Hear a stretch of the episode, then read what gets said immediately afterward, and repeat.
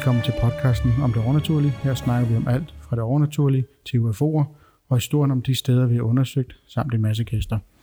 Mig og Katrine, vi har nu taget turen op til Nordjylland, op til Børlum Kloster, hvor vi har fået æren af at lave en podcast sammen med Anne og Benedikte. Tak fordi I måtte komme. Du velkommen, eller I er velkommen. Ja, tak. Med det her, øhm, vil I lige hurtigt fortælle lidt om, øh, hvem I er? Altså, Altså, jeg hedder Anne Rotbøl, og det er min mand og jeg, der ejer klosteret, og Benedikte er vores datter, og Benedikte er historiker og står for markedsføring og de historiske udstillinger. Ja, jeg havde også fornøjelsen af at være med sidste gang. Øh, I lavede en, øh, en hunt her på stedet. Og jeg vil sige, at jeg er lidt imponeret over, at I tør komme igen, efter alle de oplevelser, jeg havde sidste gang. Ja, det var, altså, jeg vil sige, lige sidste gang, det var nok øh, den første og eneste, og forhåbentlig eneste gang, jeg blev så bange af at være her. Fordi igen, jeg, som jeg også sagde til Anne før, at det er jo smukt kloster, jeg har jo, og jeg, jamen, som jeg sagde til Katrine, hvis vi boede lidt tættere på, jamen, så havde vi holdt vores bryllup her, ikke? Men jo, altså lige den der oplevelse sidst, hvor den der, vi tror jo så, det er en love ind til, hvad det hedder, til bænkene, der der er klappet, ikke? Der var jeg, der må jeg sige, der var jeg lidt presset der. Han kaldte jo også dit navn og alt muligt. Ja, lige præcis. Så, Man ved det jo ikke. nej, man ved det, Det ikke. kan Jo. jo være så mange ting. Det kan det jo, og det er jo det, vi håber Det er på, ikke vi sikkert, kan. der er en naturlig forklaring. Nej, det er lige det. Så det er jo en gammel kirke, kloster. Jeg tænker på, om vi vil fortælle lidt om, hvordan, kan man sige, øh, så, øh, slægten Rotbøl, Rotbøl, Rot, Rotbøl, Rotbøl, ja, undskyld, jeg kan simpelthen ikke snakke i dag, det beklager mig. I, i, 1835, kommer hertil. ja, tak. Den første Rotbøl, han øh, købte klosteret i 1835. Og han havde egentlig først været på en europatur, eller en dansesrejse, som det hed dengang, hvor man var rundt og skulle se, hvad der, hvad der skete ude i verden. Og øh, så blev han forelsket i en alsfrøken, og ville gerne købe Bosnes, som ligger nede i Aarhus. Men øh, hun ville ikke have ham, så han fik en kurv, så derfor måtte han i stedet for at tage her til Børnum Kloster. Og så købte det, han det ved en auktion. Han kom sådan lidt luret klædt, så derfor troede aktionærer ikke, at han havde nogen penge. Så han sagde, nu måtte han ikke byde mere, før han så nogle penge. Og så gik han ned og hentede en stor jernkiste, som vi har stående i vores udstilling. Og den bar han op på sin skulder, så betalte han 176.000 ristaler kontant. Så fandt han sammen med en pige huset her, og de fik så fem børn. Men de var ikke uh, gift, så derfor blev børnene født i sådan et lille hus hernede syd for klostret. Men da deres ældste datter, hun var tabt som barn, og havde derfor sådan en skæv ryg, men hun var så utrolig intelligent, og hendes fars yndlingsdatter. Og da hun skulle konfirmeres, så spurgte han hende, hvad hun ønskede sig, og der ønskede hun så, at hendes forældre blev gift, og så kom de. Så blev de så det. Så det er jo sådan lidt en, en sød historie. Ja, lige præcis, det er der meget. Ja, ej, det var da sød. Men det, altså, det er jo så også øh, hende med den skæve ryg, det hende, der har øh, Møblerne oppe møbler. i, Ja, lige præcis. Der, der står hendes rigtige Ja. værelse. Det var, Så. et, øh, ja, det var nogle møbler, som hendes forældre fik lavet til hende, fordi hun jo havde den der fasong, hun havde. Jeg elsker sådan noget historie. Det er også mm. det, man, at man, som man siger, stadig har de originale møbler fra dengang jo. Mm. Altså, det er, jo, det er jo mega spændende. Men jeg kan fortælle en spændende historie om hans søn. Det må du gerne. Øh, hans søn, Jens Rotbull, skulle så overtage øh, klostret efter sin far. Men han var ikke så interesseret i landbrug, han var mere interesseret i heste. Så derfor blev han sendt til Skotland, fordi der kunne han arbejde både med heste og med landbrug. Derfra tog han så videre til Boston. Og mens han var i Boston, der var der guldfeberen. Den begyndte i USA. Så det ville han også, så han tog til South Dakota, og så tog han ind mod Black Hill, og der blev han så taget til fange indianerne, lige inden han nåede Black Hill. Og, øh, Lakota-stammen. og det var Lakota-stammen, som tog ham til fange. Og høvdingen på den stamme, det var Sitting Bull. Og ham, der stod for alt krigsvæsenet, det er Crazy Horse. Ja, det er præcis. Øhm, så var han så heldig, eller hvad kan man sige, høvdingens søn blev syg. Øhm, og så hældte han, bredte han høvdingens søn med det her hestemedicin, han havde med. Og så blev han faktisk øh, frigivet. Men han synes egentlig, det var spændende at, at være der på prærien, så da han kom hjem, så kom han kun hjem med sin winchester og to skalpe. Så han har været lige derovre i 1872, hvor, hvor alt det, der sker, vi plejer at se i Cowboy-film, det er sket. Ja, det er præcis. Så det er jo lidt spændende, at lille Jens han er gået rundt derovre, mens Ja, uh, General Custer han uh, tabte kampen mod indianerne ved Little Big Horn. Ja, lige præcis. Og, ja. det, og det var mega... Altså igen, ja. Jeg elsker sådan nogle historier der. Men han, er, han blev så ved med at interessere sig for de her heste, så han hentede så også til en dame med at falde af en hest. Han havde bestilt en hest, der skulle komme med Amerikabåden, og han hentede den i København, så satte han sig op på den, så blev den bange for en sporvogn, så faldt den af og slog sig ihjel. Okay, så hans passion blev også hans død, hvis man kan sige sådan. Det kan man sige. Ja. Men han havde et godt liv. Han blev også forelsket i Marie Krøyer, som hed Tripke dengang. Han var til et selskab i København, og, og der mødte han hende og blev stærkt forelsket i hende, som de fleste mandfolk jo gjorde. Og så inviterede han hende herop, og hun var en hel sommer, og hun holdt sin 20-års fødselsdag. Øh, og han friede til hende. Der var bare lige det lille arbejde bare. Han var bare gift i forvejen, så det sagde hun jo nej til. Ja. Men øh, hans søster skriver i brevet, vi har derinde, at han i tre måneder bagefter spillede billiard med sig selv med hjertesuk.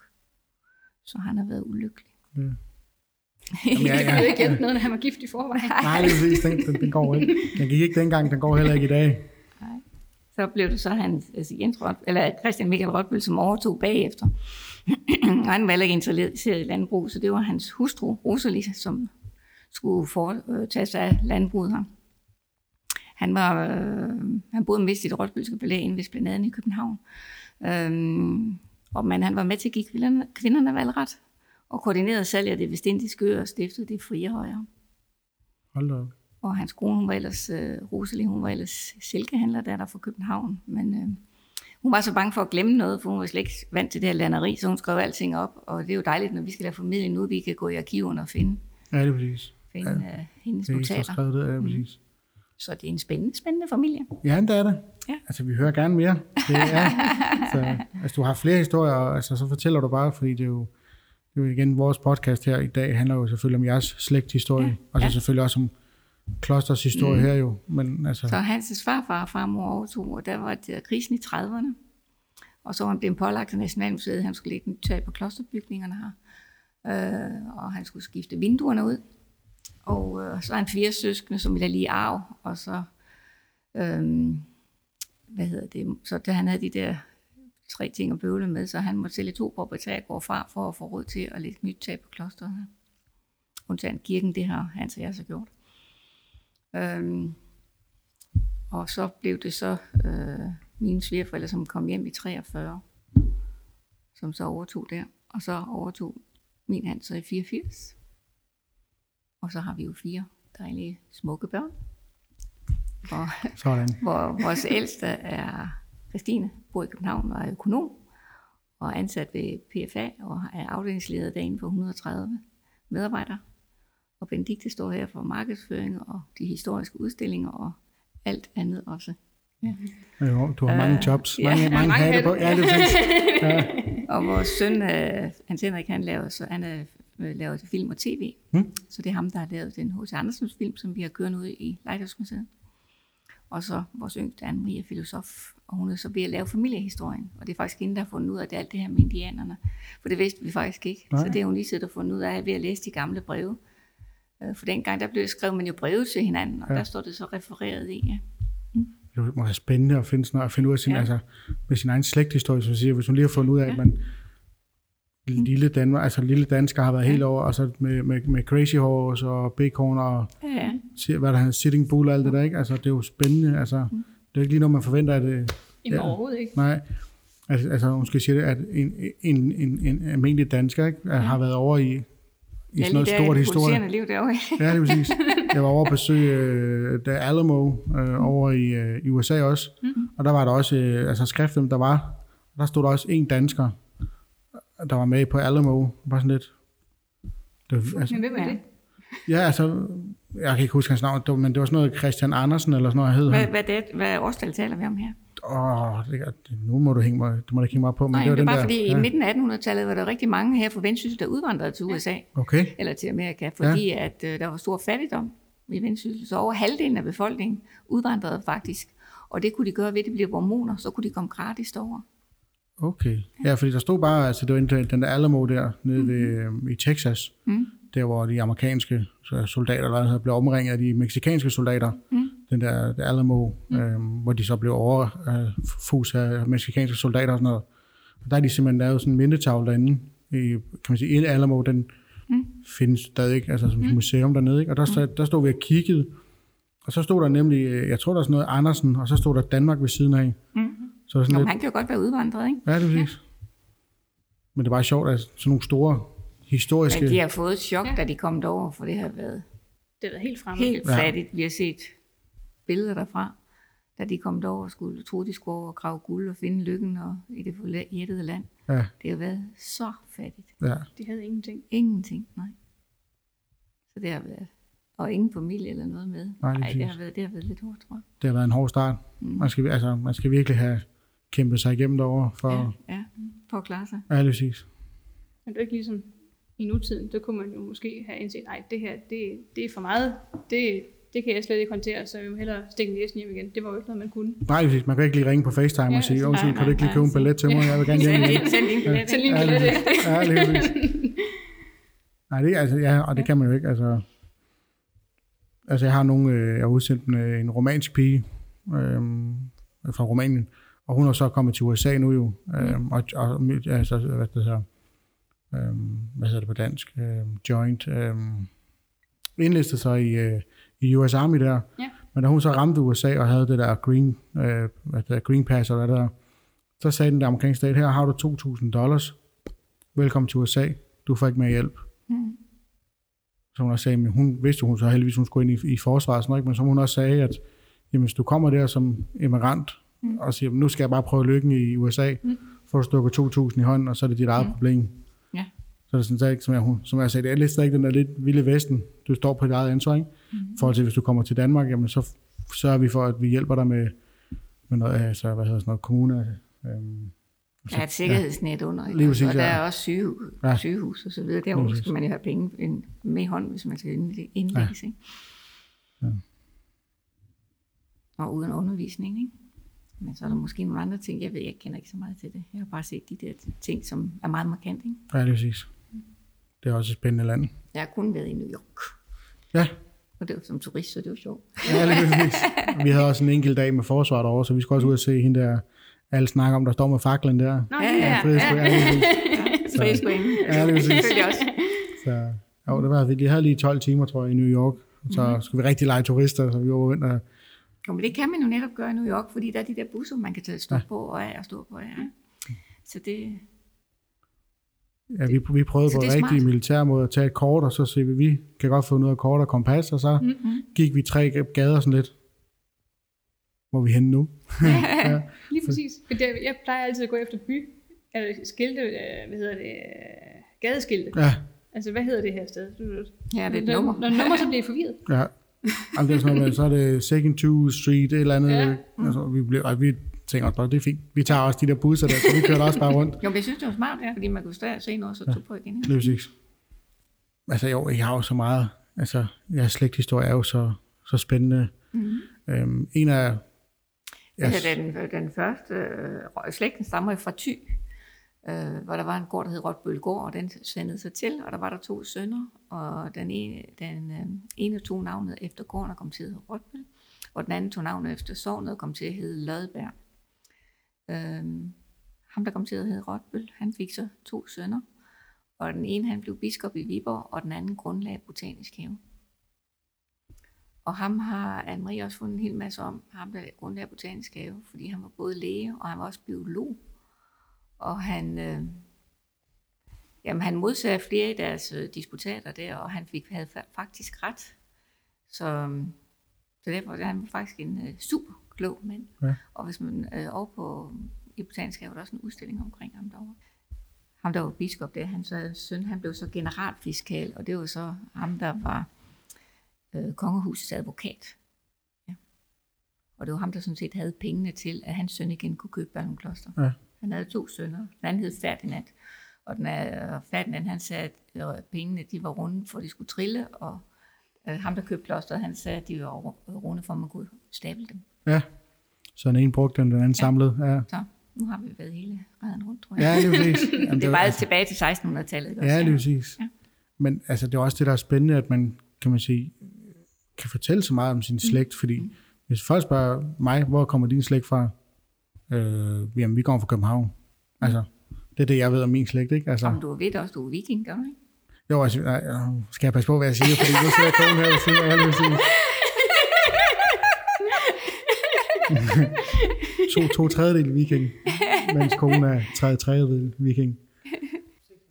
Ja, 96 procent. Ja. Og jeg var kun 64. Så, Nå. Ja, så vi er blevet enige om, at øh, det var min far, der tog over til England, og så rated, og så fandt han konen derovre. Mm. Det, det har jeg besluttet, det var sådan. Mm. Fordi de sidste, hvad må så blive, øh, 36 procent, det er netop over fra England. Der var de rated for første gang.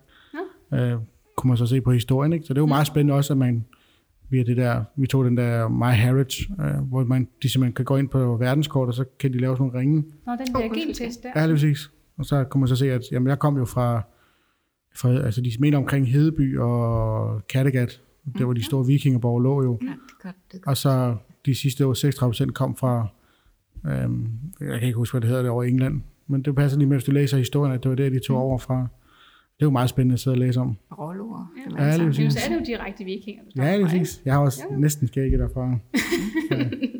Så, undskyld. Er det Christian Michael, du tænker på? Ja, lige præcis. Det var lige, hvordan man skulle tage og spørge ind til ham.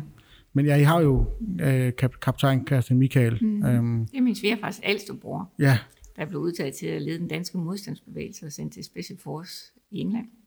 Og han blev uddannet og kastet ned med en faldskærm, gemte sig i en lejlighed i København.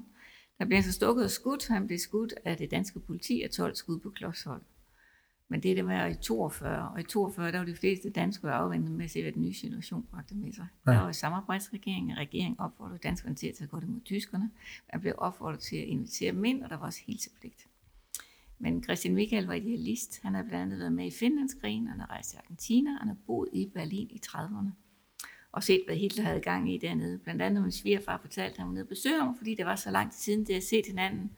Så stod de sådan og grinede pjattet på banegården, og så kom de til at stå på det forkerte tog. Og det viste sig, at der var en jødeportation. Og kun med nød og næppe slap det derfra, fordi Christian Michael var så dygtig til tysk, fordi Gestapo ville ikke lade dem gå. Og det er så i sorg over hans død, at vores mølle har opstået i Kors og ikke i X. Og grunden til, at Christian Michael var i Berlin i 30'erne, var fordi ham og min svigerfar havde været på Idrætshøjskole med Niels Buch. Mm. Og Niels Buch, han jo flirtede med nazismen, fordi det var jo lidt ordnet hos egen og meget lange rækker.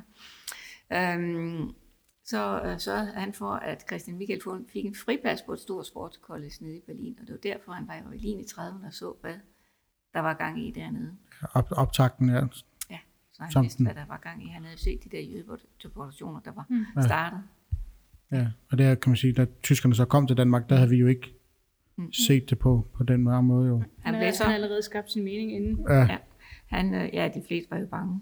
Ikke? Og skulle se, Det er forståeligt nok. ja fuldstændig. Øhm, han blev jo sporet, fordi det han blev at lave radiokontakt til England, og der blev radioen så sporet. Mm. Og så blev han så skudt med de her 12 skud, hvor han lig, ligget på knæ. Og det har brækket hans arm og skudt ham ned i tændingen. Og betjenten, der skyder ham, han fik jo en månedsløn i, i dusør bagefter. Så det er lidt en, en dum historie. Ja, lige præcis. Men, og det Men var altså, også, der var tyskerne var jo også forundret over, hvor, hvor forhippet danskerne var på at hjælpe. Der var jo hippofolk, som de angav hinanden på stribe. Ja. De var jo så forundret over, at den, med den øh, an, an, energiske tilgang, danskerne havde til dem. Ikke? ja, det er desværre ikke en historie, man kan sige sig udenom, desværre jo. Nej. Han ligger så også begravet her jo. Han ligger jo i grorundingen med sine forældre på hver side, fordi glemt, øh, altså de øh, kunne aldrig komme sig over tabet af deres ældste søn. Øhm, og dengang han kom ind på sygehuset, var der ingen, der vidste, hvem han var. Øhm, men heldigvis var det en kvindelig læge, som han havde læst medicin sammen med, som havde givet ham. Gav så forældrene besked, og hun kunne kende ham. Men tyskerne ville så ikke udlevere ham. Øhm, de gjorde så efter noget tids tårtrækkeri, men kun på den betingelse, at det kun var præsten og hans forældre, som var med til begravelsen. Så derfor samlede lokale sten, øh, ind til den store sten, der ligger på hans grav heroppe. Den er sådan en kæmpe stor øh, marmorsten, lavet i grønlandsk marmor, og så forestiller den Dannebro. Og på enden af den blev så skrevet, Danmarks søn blev mindesat af hjemme og hjemmehans folk, for man måtte jo ikke provokere tyskerne. Det er også noget, vi har fundet ud for nylig, fordi vi, jo, vi har jo det har været lidt kendt i familien. Vi har fået at vide, at han blev angivet af en, han havde været i Finlandskrigen med. Og det er jo aldrig rart ligesom at have i baghovedet, det har været en, han har tænkt som en ven, der har angivet ham. Ja, det er præcis. Men øhm, der var, vi havde så en, øh, en, en, øh, en på besøg her, for det var et halvt år siden, Nej, det er det ikke engang. Men det Det var kan her det. i sommer. som fortalte, at hendes, hendes far havde øhm, været i Finlandskrigen med, med Christian. Og øhm, han var så blevet hævet ind til et forhør hos Gestapo, hvor de netop prøvede at få ham til at fortælle, hvor Christian han var henne. Og det han så ikke ville sige, at de fik det heller ikke ud af ham. Og de prøvede på et tidspunkt også at narre ham til at tro, at Christian han var der. Ved de sagde, du skal lige hilse på Christian, ligesom de pegede bag ved ham, til en, øh, en fremmed herre, som selvfølgelig ikke var ham. Og så havde han jo bare lavet, som om man ikke vidste det, og sagde, Nå, hej Christian, jeg hedder sådan og sådan og sådan. Så uden at vide det, så virker det som om, at de har hævet dem ind, som de vidste, han har været i Finlandskrigen med, og så er der en, der ikke har kunne være stille til sidst. Ja, Han var også cyklet op for Ja. at fortælle for forældrene, at Christian og Michael var blevet kastet ned med faldskærm. Øh, og da han så cyklede om natten, og så han gemt sig i skovene om, om dagen. Og så han var op og sige det til dem, så da han kom tilbage til København, så var det, at han blev taget af Gestapo. jeg er jo, jeg, jeg er jo selv, øh, jeg er jo selv veteran, jo, så jeg ved, hvor, hvor, hvor, altså jeg synes, det er jo en, altså det er jo en ære, kan man sige, det frihedskæmperne gjorde for os jo, fordi jeg sidder også tit, at man gøre det samme den dag i dag, Ja, for det, eller, eller vil man bare sige, okay, vi trækker os. Mm. Og også den måde, man kan sige, de bliver behandlet på, også med, som siger, med Gestapo, og man bare mm. altså angive hinanden og sådan noget. Ikke? Mhm. Det er jo, man kan sige, det er jo lidt en mørk historie i Danmarks historie, at man, det lyder også lidt, lidt også det, jeg siger nu, men du som dansker ikke kunne stå, stole på dine andre, altså danske venner, ikke?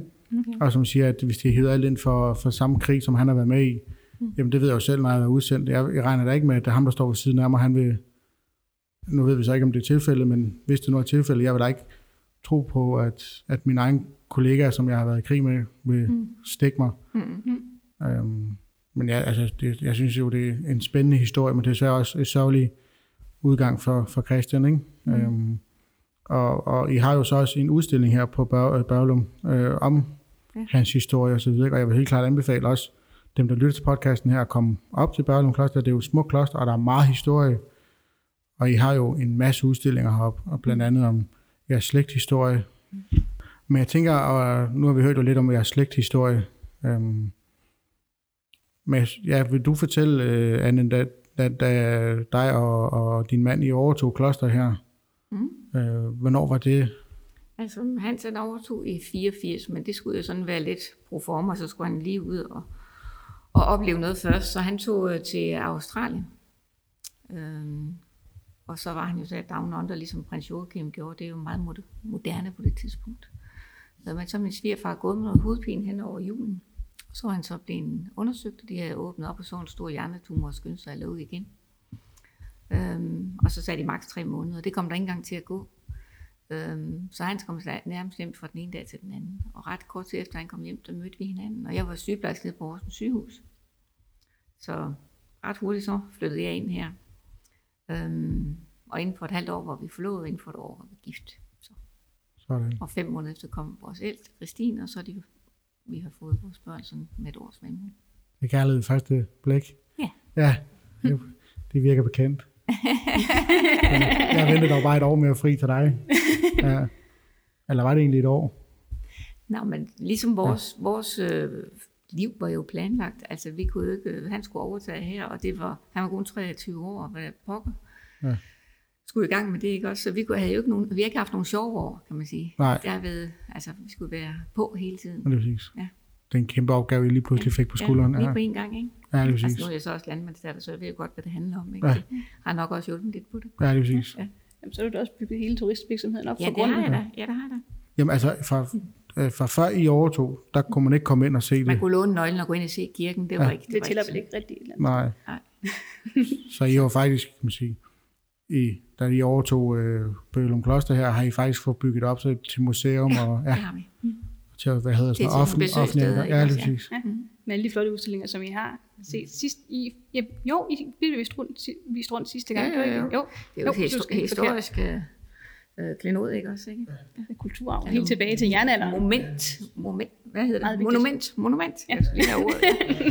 Ja. Et historisk monument, ikke også? Så Ja. det er, synes vi også, vi har pligt til at, at vise frem, ikke også? For det er jo en del af os allesammens historie. Blandt andet også, som hvad Benedikte er ved at finde ud nu. Benedikte er jo historie, hun er så klog. Ja, Så hun er ved at finde ud af, at der er i hvert fald forskning op omkring det. Så har vi ikke sagt for meget, at vi skal passe på. Ikke? Jamen, ja, man, må aldrig, man må aldrig sige noget fuldstændig 100% Nej. når det historie. Nej. Der er forskning om, at faktisk kristendommen udgik her fra øh, klosteret til hele Norden. Fordi der er fundet et kors i en øh, grav heroppe på kirkegården. Og man plejer at sige, at der, når det bliver kristne, vi har et blåt, blåtand, men det her, det er ældre. Så der er faktisk lige lidt forskning i gang med det. Ja. Ja, den der, øhm, den vi kalder Børlumstenen, den billedsten, jeg også så Ja. ja. sidste gang inde i, i Østfløjen, mener man, det markerer dengang, at, øh, at der blev bygget en øh, trækirke i, øh, her på bakken. Og det er Svend Estrids tid, så det har været sen vikingetid. 2060, ikke? Ja, Ja, altså den, det er en, øh, en person, en fyrste, som er afbildet foran en, en bygning, som man så mener på grund af de markeringer, der er, at tale om en trækirke. Og det er så, man mener så, at det er på det tidspunkt, der er blevet lavet, at bispesædet er blevet oprettet. Men som der også blev sagt tidligere, så har kristendommen meget dybere rødder her ved Børn Bakke, for der blev fundet det her kors fra 800-tallet. Så det vil sige, det er det vil være sen jernalder, tidlig, tidlig vikingetid. Og man ved jo selvfølgelig ikke, om det kors blev fundet i en grav, skal lige siges. Og vi ved jo selvfølgelig ikke, om det betød, at den personen vedkommende var kristen, eller om det var kommet med i graven på anden vis. Men det peger på, at der har været en eller anden form for kristen menighed her på stedet, og det er så tilbage i 800-tallet. Ja, hold op. Og inden da, hvis vi skal endnu længere tilbage, det er så ikke, med, så, det er så ikke i forhold til kristendommen, men man har fundet et, et større broanlæg øhm, her tæt ved, som man så mener er blevet lavet af en stor centralmagt. Om det så allerede på det tidspunkt har været Kongsgård, det er jo ikke til at sige, men der har været et magtcentrum helt tilbage derfra, fra den tid. Så der er masser af historie her på klosteret, som egentlig også går bagud i den der gamle kirke, I også har været inde i tidligere, som er dateret til omkring 1170. Men den måde, den er blevet dateret på, den kirke, vi har nu, øhm, det har været sådan lidt, lidt øhm, det har været igennem dateringer af andre kirker, som man så mener 100% har kopieret det her udseende, som domkirken havde tilbage i sin storhedstid. Og de kan ikke kopiere noget, sådan lidt, lidt groft sagt, så kan de ikke kopiere noget, som ikke har været der. Så det er mindst tilbage fra 1170, at man har påbegyndt kirkebyggeriet her. Måske før. Altså det er ikke 100% fastlagt dateringen på kirken. Og inden den her kirke, så har der været granitkirken, og så før det har været den trækirke, som vi mener er afbildet på den her børnomsten. Så der har været tre forskellige kirker, hvis det giver mening. Så ultra kort fortalt. Ja, det er præcis. Jeg, jeg sidder her og laver til mig, fordi jeg elsker den historie der. Og igen, det er så spændende, som du selv siger, at man har kunne se, at helt tilbage til, ja faktisk vikingetiden, at man har kunne se, hvordan kristendom er kommet ind i Danmark, ikke? Mm. og bygge kirke. Og, men det er også noget med, at, øh, og det beklager mig, men jeg kan ikke få noget at udtale, de der munkes navn, de hed et eller andet. Præmonstratenser. Det er en fransk orden fra ja. Prémontré, derfor er det lidt omstændige navn. Ja, lige præcis. Ja. Ja, men det, de havde jo, altså det var, det- de havde hovedsted her på, på Børlum, og faktisk styrede det herfra, ikke? Altså, det, det nordlige hovedsæde var her. Ja, Altså, de havde jo selvfølgelig længere nede i Averbo, der er hovedklosteret nu. Um, så, så Børlum har på, på den måde været hovedklosteret for den, det nordiske Sikarie, som det hed. Så det har været et kloster i Skotland, og der har været nogle stykker i, i Norge og Sverige, som Børlum så har været hovedklosteret for. Så det er ligesom her, det ligesom er bredt sig ud. Um, og det var de, det tror jeg, jeg fortalte sidste gang, det var de hvide munke, Ja. er de blevet kaldt, eller de hvide mænd, det kommer lidt an på, hvem man lige taler med. Ja. Men det var fordi, de havde den her hvide klædedragt, som jo var meget karakteristisk. Um, og det var en meget udrækkende orden. De havde den, um, og de, orden eksisterer jo stadig. Øhm, så det var ikke sådan en orden, der lukkede sig ind om sig selv i, i bøn og i tilbedelse. Det var en meget udrækkende orden, som ligesom havde fået til opgave at forbedre den verden omkring sig med de evner, de nu havde, og de havde specialiseret sig i. Så der kom også rigtig mange forskellige ting til, da klosteret kom til, Børnum Kloster og Præmonstratensordenen sådan rigtig rykket ind. Det øh, kan du fortælle mere om med hospitalet og med lægeurterne. Ja, herberg for de vejfarende. og Lægeurterne i Nordhaven, ikke også? Ja. De kom jo med alt ny viden på sydfra, hvordan man skulle dyrke landbrug, og hvordan man lavede vand ind. Vi har fundet øh, blyrør, som man, lavede, som man brugte til øh, og, som vandrør. Mm. Der vidste man jo ikke, det var giftigt vand. nej, det fandt ud af senere. det fandt man ud af senere. det, det fungerede på det tidspunkt, ja, lige præcis. Så, Og så vidste de så alt om lægeurter. Det er også derfor, vi har dem i Nordhaven. ja, lige præcis. Mm. Ja, fordi vi var oppe og kigge på det, øh, nu er jeg ikke, øh, det var her sidste gang, hvor vi lige oppe og kigge og læse. Og som jeg står og siger, det er jo egentlig utroligt, at man øh, i dagens Danmark går ned til lægen og siger, jeg har hovedpine, jamen så tager du nogle piller, mm. når man jeg kan gå en tur i jeres have, og så se, jamen det virker faktisk mod det og det, det, at man kan Det spise en blomst, ikke? Altså, at man ikke stadig holder fast i den der, Mm. at vi er blevet så meget, øh, Der er der masser af naturmedicin nu. ja, lige præcis. Mattes er der fyldt med det. Ja. Så, så jeg synes, det, altså, jeg synes, det er spændende, altså, igen, at man dengang, allerede dengang vidste, at hvis du spiser den her blomst der, man kan ikke huske, hvad den hedder, men der er jo noget mod, øh, altså, mod hårtab og sådan noget, hvis du smurte den i håret Nej. og sådan noget, kunne jeg huske, da jeg Du læste op. ikke lige på stilke. Jeg vil gerne, jeg vil gerne. Ja. ja. det må du gerne. Fordi hvis du ikke har sagt det, så havde Katrine sagt det. så det var fordi, Så hvis I mangler en plante, når vi går i går morgen, så. Så, det er for. så kommer jeg med lang dreadlocks næste gang. Og sådan. Ja, det må du lige tage et billede af, hvis det ja det hjælper præcis. Det er rigtig god reklame, så Ja, ja. Så tager vi patent på den. Ja, lige med det samme. ja lige præcis. Åh, oh, det var god. Nu tager vi også hele tråden nu. Men altså, der, men der er jo masser, hvad hedder det, øh, også før endnu, da det var Kongsgård, ikke? hvor det var Knud den Hellige, der var. Han var jo, han havde jo samlet så mange mennesker heroppe, eller mænder heroppe, for det var jo bønderkend. 800, mener man, der var 800 skibe, som lå i Limfjorden og ventede på, at han skulle til, på vikingetog til England. Hold da. Øh, men så blev det sådan noget fnider, fordi det var i oktober, de ville gerne hjem og høste og sådan noget. Så der blev sådan lidt, så de kom ikke afsted, men englænderne, de havde jo rystet bukserne, hvis der var kommet en flåde med 800 mand derovre. Ja, 800 skibe. Ja, 800 skibe, skibe, ja, undskyld, ja, 800 skibe. Det havde jo virkelig fået konsekvenser.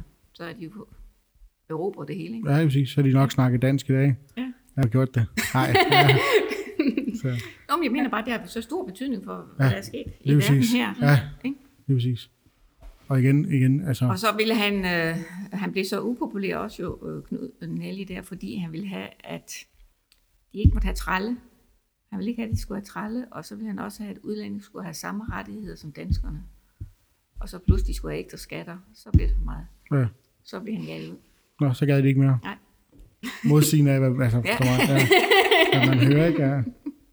Nå. Det, det vidste jeg så ikke, lige den der. Jeg synes ellers, jeg kunne min, men nej. Nå, Men det er heller ikke sjovt, man ved det hele. Jo. nej, det er det. Så er man også bare kedelig, eller hvad man siger. Så lærer man aldrig noget nyt. Nej. Man skal lave nyt hver dag. Men den munkorden, der var her på Bagdum, mm. den findes stadigvæk. Ja. Ja. Hvor har det, altså den er hovedskade, hoved, hoved, Hovedsæde. ja, det er præcis. Jeg kan slet ikke snakke det. Jeg beklager virkelig. I, Sådan en dag havde jeg i går. Ja, det er præcis. Det er også mandag i dag, så Ja. det går. Øh, men altså, de kommer var det var en gang om året, de kom herop for at synge. Altså det har de hidtil gjort, men Ja. gjorde det jo ikke sidste år af corona. Ja, Ja, lige de har så heller ikke været her i år, men der er jo heller ikke styr på det endnu. Nej, Så. desværre. Men ellers så plejer de at komme herop, og de har været her mange gange. Ja. Men sidste gang, der er de så de her fire nye noviser med der 20-årige mænd, som ville være kanikere. Og dem var så Anne-Marie interviewet, blandt andet den ene af dem, hvorfor. Men det var jo så, altså essensen af det er, at det er fællesskabet og trygheden og ved at være sammen der. Ja. For det er jo lidt måske lidt ondt at sige nej tak til, til det liv, vi kender, ikke også? Ja, lige præcis. Men altså, det er så mere almindeligt ja, i Belgien at, være, at blive munk. Det er jo ikke så, det gør man jo ikke i Danmark, vel? Nej. Dem, der bliver være munke i Danmark, de tager jo til øh, andre steder, til andre kloster, ikke? Lige præcis. Men det er en, øh, en spændende munkeorden, fordi de har, de er jo, ja, de er jo kanikere, skal jeg jo sige, men øhm, at de har så stor fokus på viden og blive specialister inden for et emne, så de har jo rent faktisk i dag, så har de jo specialister i, øh, i hvad hedder det, i sociale medier og i teknik og alt muligt. Så man tænker, det forbinder man ikke lige Men, med, med, med, med en munkeorden. nej, lige præcis. Så man regner jo, at hvis- altså nu, hvis man siger munk i dag, så er der sådan nogen, der render rundt i deres kostymer og stadig går og plukker have, altså laver de der urteplanter og sådan noget, ikke? Men det er det billede, man har. Ja, lige præcis. Men Altså, vi ikke kommunikerer med en af munkene nu her om, i forskningen her. Ja, jeg er i gang med et forskningsprojekt Ja. omkring øh, klosterets middelalderhistorie, for at få høre mig, om de har noget, noget mere information nede på ar- arkivet nede i Aberborte. Det tænker jeg, de har. Også måske, måske noget, som vi ikke kender til tidligere. Mm. Øhm, og så vil jeg jo gerne, så kan jeg have en kontakt dernede. Så spurgte jeg, om, om han ville være med til lige at, at undersøge sagen her og gå ned i arkiverne. Og det var han meget, meget positiv indstillet over for, så ham vil jeg faktisk svar fra inden for de nærmeste dage, så det er lidt ej, det er jo spændende. ja. Det er de meget spændende. noget, ja. Jeg skal også til at skrive til Vatikanet nu, fordi det rådede han mig til. Han var næsten sikker på, at de også havde en, en masse der, som var spændende. Hold da. Nu skal jeg lige finde ud af, hvordan man, man skriver til sådan nogle. Ja, det er præcis. Ja. Jeg Skriv til pæne. Ja, lige præcis. Det, det, det, det er nok ikke det, man skal. Nej, ja, lige præcis. ja. Det er også det er en af de ting, jeg har hørt mig om, hvordan man skulle Mm. rette henvendelsen. Ja, lige præcis. Det er jo, det er jo det er så spændende. Ja, Det er en masse ny historie. Og igen, Vej. altså helt til Vatikanet og sådan noget, ikke? Altså det er jo, det er jo, undskyld, siger det, det er jo omfattende, at, at vores, eller undskyld, jeres historie kan gå, altså gå helt derop til, ikke? At paven, som Altså, måske har noget... Klosteret var jo under paven, ikke? Ja. Ja, det var ikke under kongen. Nej, Altså, det var ikke, det var ikke under en værtslig magt, det var under pavens magt. ja, lige præcis. Så hvis der var en eller anden form for kontrovers, som man eventuelt havde med det værtslige, så skulle man, som, hvis det var kongen først, ind over paven. For det var ham, der var øverste Ja. ja. instans. Og der har du også en fortælling om, det var Ty Klærk, var det ikke det? Mm. Han var så magtfuld her, en af bisperne her. 1300-tallet, han var så magtfuld, at kongen tre gange sendte lejesoldater op for at tage ham til fange. Og hver gang så bestak han dem. Så det sidste måtte kongen selv tage op og tage ham til fange. Med det resultat, at han fik Danmark løst i interdikt, og det kunne kun løses ved, at Tyge Klærk selv tog til paven. Så det siger lidt om, hvor meget magt der har været her i Vendsyssel. Ja, hold op, ja. Ej, det er vildt nok. Ja. At selv kongen ikke kan sige, Mm. hallo, nu stopper du. Altså, det er helt vanvittigt. Ja, det er det. Ja, ikke? altså, Men det var også derfor stykke grumpen, som du snakkede om før, ja, at han blev upopulær, fordi han havde jo strætningsretten hernede, og det var jo åbenbart en god indtægt. Så dem ville kongen have, øh, men dem ville han selvfølgelig ikke give fra sig. Og så var stykke også imod den der afladsad ned til, til øh, Peterskirken, så han var også upopulær ved den katolske kirke, så derfor var han jo rigtig sådan presset på begge sider der ved reformationen. ja, det var, Han var for klog, nu vil vi jo tale om at vil have viden. Han var jo alt for klog, og det var jo også derfor, at han, han skabte så stor velstand her i Vendsyssel i hans øh, øh, hvad hedder det, regeringstid, eller hvor han sad i embedet, hedder det jo så embedet, Ja. i hans embedstid. embedstid. Fordi han lavede stor kvægeavl her, og det er også derfor, vi har hervejen herude, for så skulle kvæget jo gå til hans steder, hvor det skulle slagtes ned. Det var nemmere, at det selv gik, end det skulle køres jo. ja, lige præcis. Øhm, men det er jo altid den, der beskriver øh, historien, der vinder krigen, så, og han tabte jo. Ja, Så det er jo derfor, han har sit dårlige rygt. Og Stykke er ikke et, øh, det er et ganske almindeligt navn på det tidspunkt. Han kunne lige så godt hedde Peter. det, det vil man ikke lige bruge den dag i dag. Sig, men Nej, den, er præcis. uddød. Ja. Ja, altså, men igen, jeg sagde, at hvis- igen, hvis man snakker om skyggekrumpen, Mm. så vil man tro, at han var, altså det tilnavn, han har fået, ikke? Ja, ja. Men øh, det er sjovt. Igen. Øh, Jeg, jeg, jeg, jeg kan kun blive forbavset over den historie der, for jeg elsker virkelig historie. Mm. Og hans morbror, der, det jo ham, der ligger begravet inde i kirken. Øh, gravstenen, der sidder i væggen der. Ja. Det var ham, der betalte hans uddannelse. Så han øh, var jo veluddannet. Han var jo Aarhus, eller på Københavns Universitet og i Tyskland i Greifswald. Og det var der, hvor Columbus fandt Amerika. Og hvad skulle der gerne med folk Silkevejen til Indien? Og Copernicus fandt ud af, at jorden ikke var øh, flad. Flad det. Så han har jo fået alle de nye tanker med tilbage, og han ja. hørte også nogle af Luthers tanker på det tidspunkt, så han har jo været så veluddannet, at han kom her. Så han har jo blevet misundt, Ja, fordi han kunne så mange ting. det er præcis. Og gøre nogle ting. Gøre en forskel. Det var ikke lige altid velset nogle steder. Nej. Som ligesom når vi snakker med, altså med Vorgård og sådan noget med øhm, Ingeborg Skel, det var heller ikke, altså at en kvinde kunne lede Mm. Mm. så store godser og sådan noget, det var heller ikke velset jo. Og så Mm. kan man jo også finde en masse onde Ja, ja. historier om, at hun bankede børn og alt muligt. Ja. Og det er jo igen, øh, ja, også dengang, altså mund til mund, det var jo det værste, der findes dengang jo, fordi du kunne virkelig Mm. tryne folk dengang, vil jeg sige, men han, han, er, han er lidt for klog, og han måske sådan og sådan og sådan, og så kan man lige pludselig, En, fem bliver, en fire bliver til fem høns. ikke? lige præcis, ja. Ja. Så, men igen, der er jo meget historie, nu kan jeg se, du, du, nu, du, nu, og det ved jeg ikke lige, hvad der skete der, der var lige, øh, der var lige en kortslutning der. Historiker. Har jeg noget på mit ansigt? Ja, præcis. øhm, altså nu er du gået i gang med at, forske det der med, med middelalderen og Vatikanet og, og klosteret i Belgien der. Mm. Og altså arbejdet med her med at drive øh, kloster og museum og så videre, det er, jo, altså det er jo selvfølgelig fuldtidsarbejde, men man kan også godt mærke, når man kommer, at det er jo en, altså en livssjæl for jer jo. Mm. Øhm, hvad kan man sige? Og jeg kan så, det er et lidt dumt spørgsmål, men I vil ikke opgive det på noget tidspunkt. Det er noget, der skal føres videre til næste, til næste generation og så videre. Ja. Det Men hvad er fremtiden så for klosteret her? Jamen, øh, i forhold til det historiske, så har vi jo flere Ja. udstillinger og forbedringer, og I har det her store forskningsprojekt, som jeg glæder mig rigtig meget til at se, hvad resultatet bliver af det. Um, jeg skal til at i gang med en, en ny udstilling omkring klosteret tidligste historie, det vi har siddet og snakket om omkring jernalder og tidlig vikingetid og sen vikingetid. Det har vi ikke haft belyst så meget, og øhm, der er kommet rigtig meget ny forskning, som viser, at der er, har været et magtcentrum her meget, meget tidligt, og det vil vi ligesom gerne dykke lidt mere ned i, også for vores øh, klosterets besøgende, at de også kan se, at nordisk historie, den, den trækker rigtig dybe rødder. Altså Ja. der er, er rigtig, rigtig lang historie her, som egentlig fortjener at blive fortalt, for det er vanvittigt spændende. Jamen, det er jo spændende. Altså, jeg, så, altså, jeg elsker, jeg kan, jeg, kan, jeg kan ikke sige det nok gange, men altså, historien er jo så, så spændende, ikke? Jeg kan ikke sige så meget om det endnu, Nej, fordi vi er ligesom i de indledende lige faser, men jeg kan sige så meget, at det bliver rigtig, rigtig spændende. ja. Vi Meget kommer- spændende. Vi kommer Så er der også nogle powerkvinder indover. Ja, det er meget, meget spændende. Ja.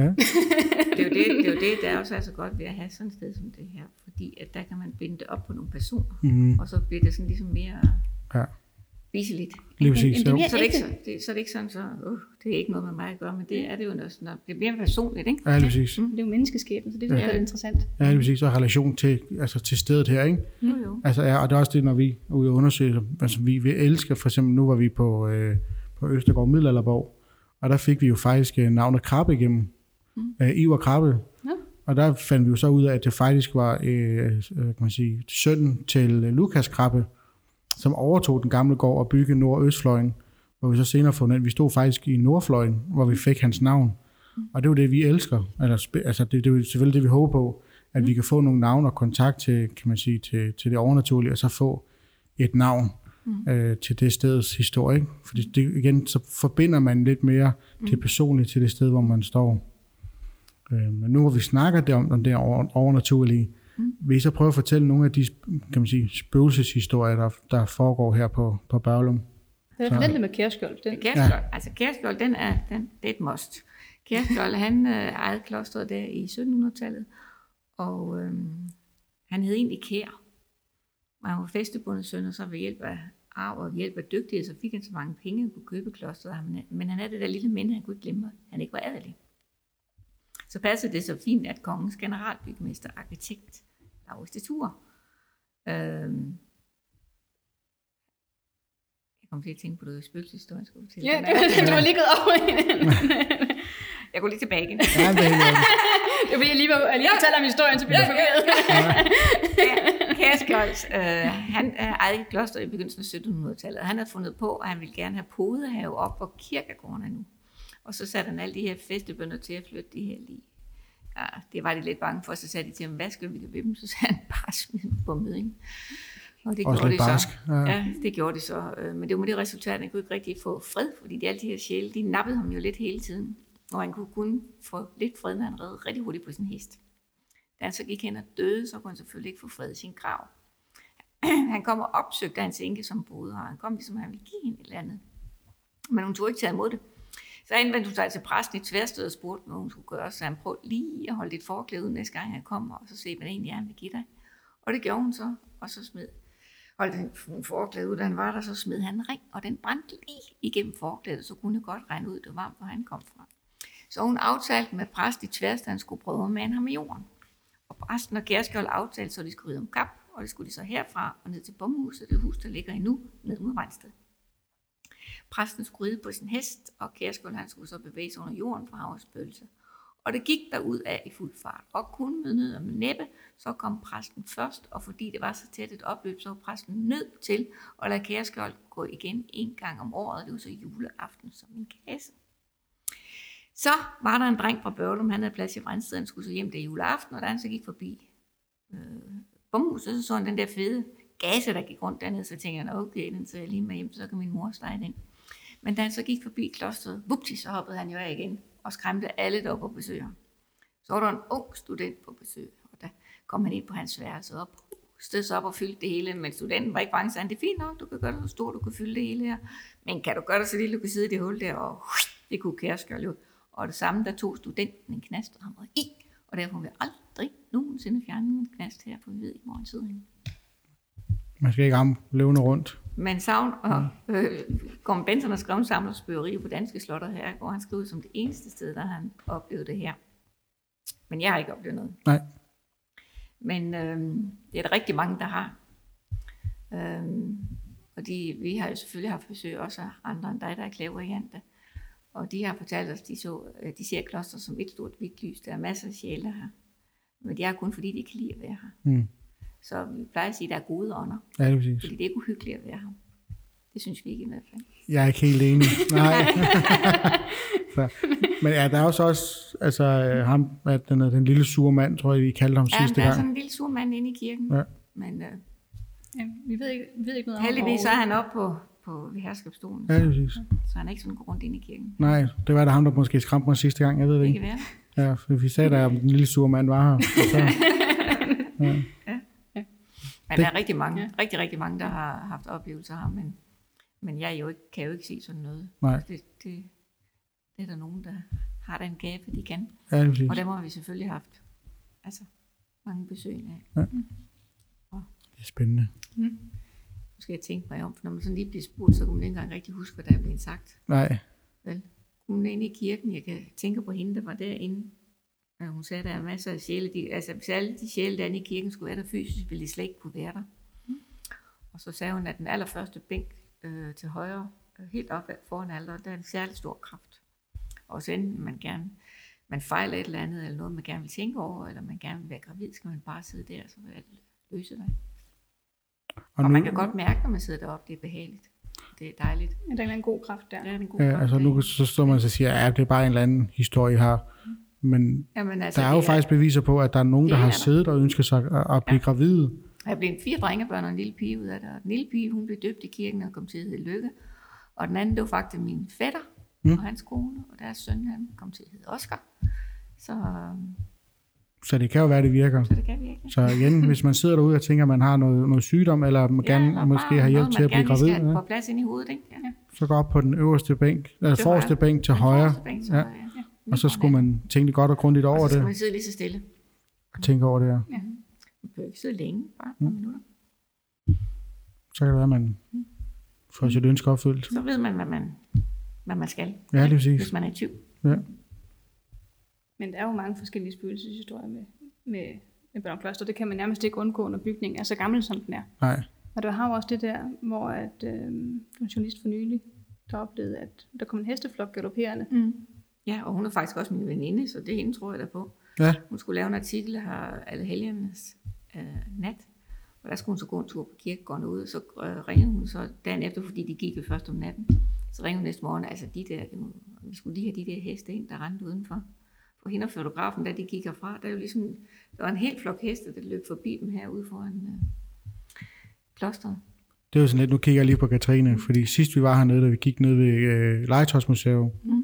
Og ved, øh, ved kjolen og sådan noget, Mm. der var vi sikre på, at der er nogen, der, altså, der gik heste rundt. Mm. Øh, det er selvfølgelig ikke med, det beklager jeg selvfølgelig, det ikke er med i afsnittet der, Mm. men vi har, vi har længe gået og snakket om, om det var heste, der gik rundt om, eller om vi kunne høre heste, der gik uden omkring bygningen. Mm. Så er det egentlig sjovt, at, at du lige sidder og siger sådan noget der, for så kommer man lige i tanke om, det så vi der til at snakke om. Mm. Så det kan også være, at vi måske har det er jo hørt dem. en god stald, så det øh, var jeg mærkeligt, det heste, ikke? Men Ja, det er det. præcis. Ja, fordi vi havde det, altså også med Martin og Linette der, at mm. vi havde snakket om, det måske var heste, vi havde hørt, der gik rundt. Mhm. Fordi det var sådan en larm, og vi kunne simpelthen ikke finde ud af, hvad det var. Mm. Men nej, det er jo, det, de har nok en hestestald eller et eller andet, der gik rundt. Det er jo sjovt. Ja, det, jamen, det når du så lige siger det, ikke, man lige kan tænke, åh, oh, det er egentlig, Mm. det havde vi da også lige en fornemmelse af. Mm. Så det, altså, og det er jo det, der er også så spændende, at der er flere, der oplever det samme. Ja. Altså, det, det gør jo mere, det lyder også af, men historien troværdig. Så. Mm. Men I havde ikke oplevet noget, altså noget overnaturligt hernede? Altså, vi, vi lukker det også lidt ud, ikke også? Ja. Ja. Så kan man ikke bo sådan et sted. Vel? Nej, det er rigtigt. Så man lukker jo lidt af for det, ikke? Ja. Men min mand, han kan da sådan, som siger, uh, så synes han, der går nogen forbi der, og sådan noget, ikke også? Men det kan man jo godt have fornemmelsen af. Ja, det er præcis. Ja, jo. Altså næsten som siger, men hvis, hvis, hvis Men hans farmor, hun kunne se ting og sager. Og hun så også det, da, da Michael blev, øh, Christian Michael han blev skudt. Der havde de øh, frokostgæster. Og så pludselig så så hun, så sagde hun, øh, han kom ind ad den ene dør, så sagde hun, jamen Mika, du her? Og så gik han ud af den anden dør, og det fandt de så ud af senere, det var på det tidspunkt, han blev skudt. ja, Og det sagde hun højt, så gæsterne kunne høre det. Ja, Der hold op. Ja, det er præcis. Altså, der kan jeg jo så også fra min egen tid i militæret, altså lægge genkende til den historie. Mm. Fordi vi havde også en, hvor øh, at vi, der der er en, der gik på en idé øh, nede i Afghanistan. Mm. Og da hun så skulle have vide, at hendes søn var død, mm.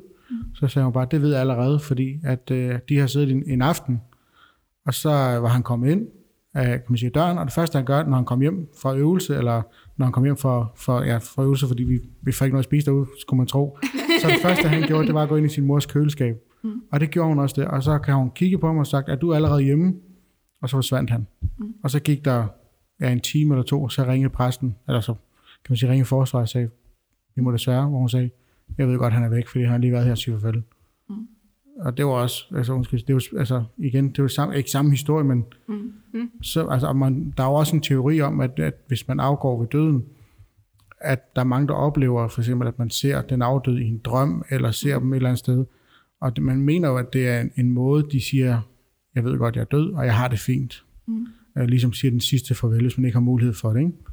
Øh, jeg ved for eksempel i min familie, hvis der er nogen, der dør, så åbner vi altid døren, så de kan komme ud og fri, og så komme op til, Mm. op Til himlen. Ja, lige præcis. Øh, og der sagde min mor også til min mor, at hun døde. Hun døde så af kræft i...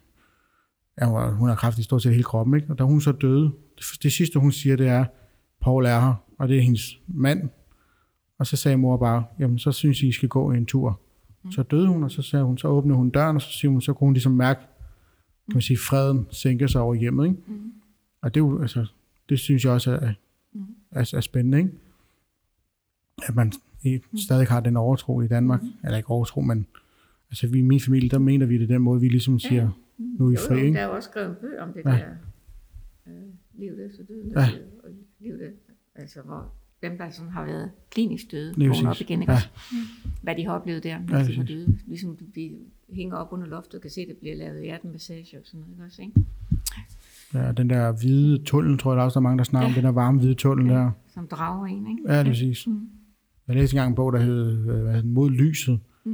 Øh, Og den er en meget gammel bog. Øh, Jeg tror, den var skrevet fra 1700-tallet, så jeg skulle lige læse den et par gange, fordi det stod på det der, som jeg kalder det gamle danske sprog, ikke? og jeg er en lille smule ordblind, så det var sådan lidt, jeg skulle lige læse det et par gange, men den forklarer også, fordi ja, han var jo faktisk, kan man sige, kommet til skade og døde af det, og så har han faktisk skrevet sin egen øh, altså beretning om det også og sådan noget. Ikke? Mm. Det var mega spændende. Han snakker også om engler og, og sådan noget. Ikke? Det er spændende. Men har du oplevet noget herude? Ja, nej, det har jeg heller ikke. Nej. Altså, den er lidt ubehagelig fornemmelse, når man går op bag herskabsstolen, men det er jo bare en fornemmelse, det er jo ikke noget, Ja. jeg har set, eller noget, jeg har mærket. Nu er det Nej. også, fordi vi ved, at han er der. Ja, Ja, nu har jeg også fået at vide, han er der, og så tror jeg, at det hjælper på det. Nej, lige præcis. så der kommer du ikke mere. Nej, det må være det. Lige præcis. Det var nogle andre nogen på det der. juleaften, der har vi jo altid levende lys i hele kirken. Ja. Fordi det er jo en sommerkirke, som bliver kun brugt om sommeren. Ikke? også? Der er- Der er jo en lys eller varme derinde, som vi nok ved. Men der juleaften, der tænder vi alle lysene derinde. Og der føles, vil sige, der føles vi ad over og slukker dem klokken ved midnat igen. Ja. Der siger man jo Olof Glo, han ligger på Litte Barat derovre, som messer munken over juleaften. Okay. Men ja, nu, nu kommer jeg til at tænke på det. Øhm, men altså herude i gårdspladsen, mm. nu sidder jeg og peger, det kan jeg selvfølgelig ikke se på podcasten, men vi sidder herinde i øh, hvad, Vuggestuen. munkestuen, og lige ude bagved os, der er jo en, en, en gårdsplads, Mm. Og der har man jo blandt andet fundet øh, nogle knogler for, nogle, øh, for Jamen, det er munkene. jo munkebegravelse, de ligger jo derude jo. Lige præcis. Ja. Og, og igen, altså, De hvis, ligger begravet derude. Ja. og, det, og det er jo, altså, måske er deres energi eller ånd jo måske også her i stedet, ikke? Og, og, Jo.